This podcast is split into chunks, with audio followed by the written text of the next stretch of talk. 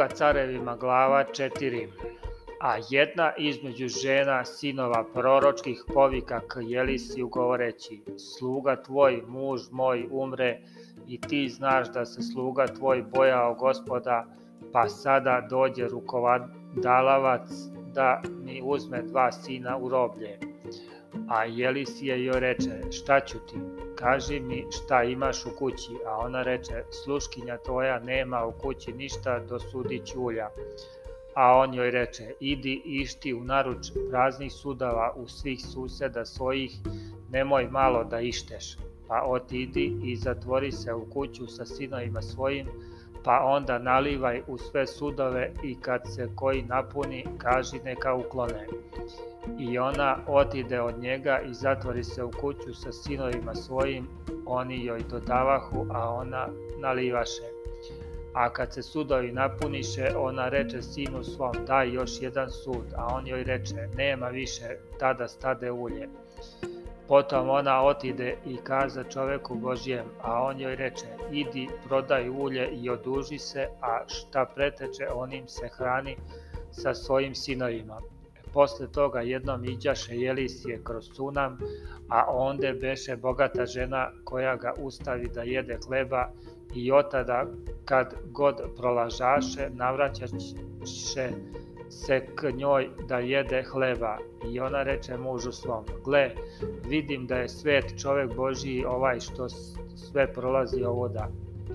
Da načinimo malu klet i da mu namestimo postalju i sto i stolicu i svećnjak, pa kad dođe k nama neka se tu skloni. Potom on dođe jednom onamo i ušavši u klet počinu onde i reče momku svom Gijeziju, zovi Sunanku, ona je dozva, i ona stade pred njim. I on reče Gijeziju, kaži joj, eto, staraš se za nas svakojako, šta hoćeš da ti učinim? Imaš li šta da govorim caru ili vojvodi? A ona reče, ja živim sred svog naroda. A on reče, šta bih joj dakle učinio? A Gijezije reče, eto, nema sina, a muž joj je star a on reče, zovi je, i on je dozva i ona stade na vratima. A on reče, do godine u ovo doba grlićeš sina, a on reče, nemoj gospodaru moj čoveče Boži nemoj varati sluškinje svoje. I zatrudne žena i rodi sina druge godine u isto doba kao što je reče Jelisije. I dete odraste i jednom izađe k ocu svom k žeteocima reče ocu svom, jao glava, jao glava, a on reče momku, nosi ga materi. I on ga uze i odnese materi njegovoj i leža na krilu njenom do podne, pa umre. Tada otide ona gore i namesti ga u postelju čoveka Božijeg i zatvorivši ga izađe.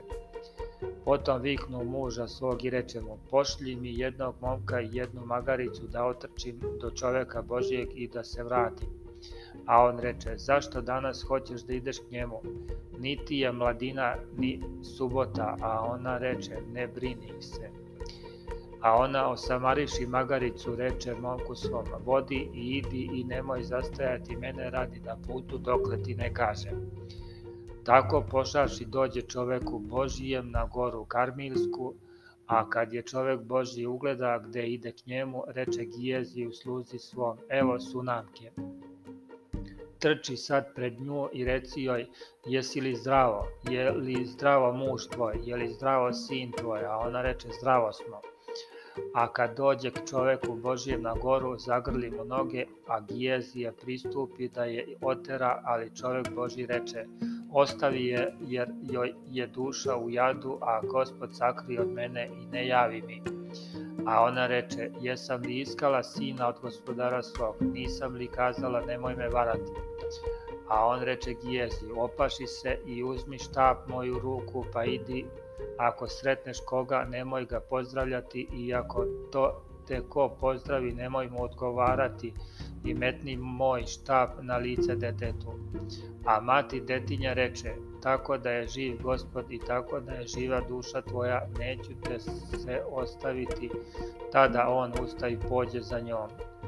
A Gijezi je otibe napred i metnu štap na lice detetu, ali ne bi glasa ni osjećaja, tada se vrati predanj i javi mu govoreći, ne probudi se dete.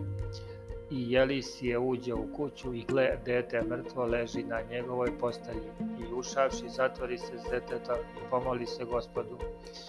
Potom stade na postelju i leže na dete, metnu usta svoja na usta detetu i oči svoje na oči njegove i dlanove svoje na njegove dlanove i pruži se nad njim te se zagreja telo detetu potom usta i pređe po kući jednom tamo i jednom vamo, potom otide opet i pruži se nad detetom i kihnu dete sedam puta i otvori dete oči svoje. Tada dozva Gijezija i reče mu, zovi Sunamku. I on je dozva, te dođe k njemu i on je reče, uzmi sina svog. I ona ušavši pade k nogama njegovim i pokloni mu se do zemlje i uzevši sina svog otide. Potom vrati se Jelisije u Galgal, a beše glad u onoj zemlji i sinovi proročki seđahu pred njim, a on reče momku svom, pristavi veliki lonac i skuvaj zelja sinovima proročkim. A jedan otide u polje da nabere zelja i nađe dilju lozu i nabra s nje divljih tikvica, pun plašt i došavši saseče ih u lonac gde beše zelje jer ih ne poznavahu i usluše ljudima da jedu i a kad stadoše jesti ona u selja povikaše govoreći smrt je u loncu čoveče Boži i ne mogahu jesti. A on reče donesite brašna i sasu brašno u lonac i reče uspi ljudima neka jedu i ne bi više nikakvog zla u loncu. A dođe neko iz Valsalise i donese čoveku Božjem hleba od prvina 20 hlebova ječmenih i novih zrna u klasu, a on reče postavi narodu neka jedu. A sluga mu reče, kako ću to postaviti pred sto ljudi? Opet reče, postavi narodu neka jedu, jer je tako kazao gospod ješće i preteći će a on im postavi, te jedoše i preteče po reči gospodnjoj.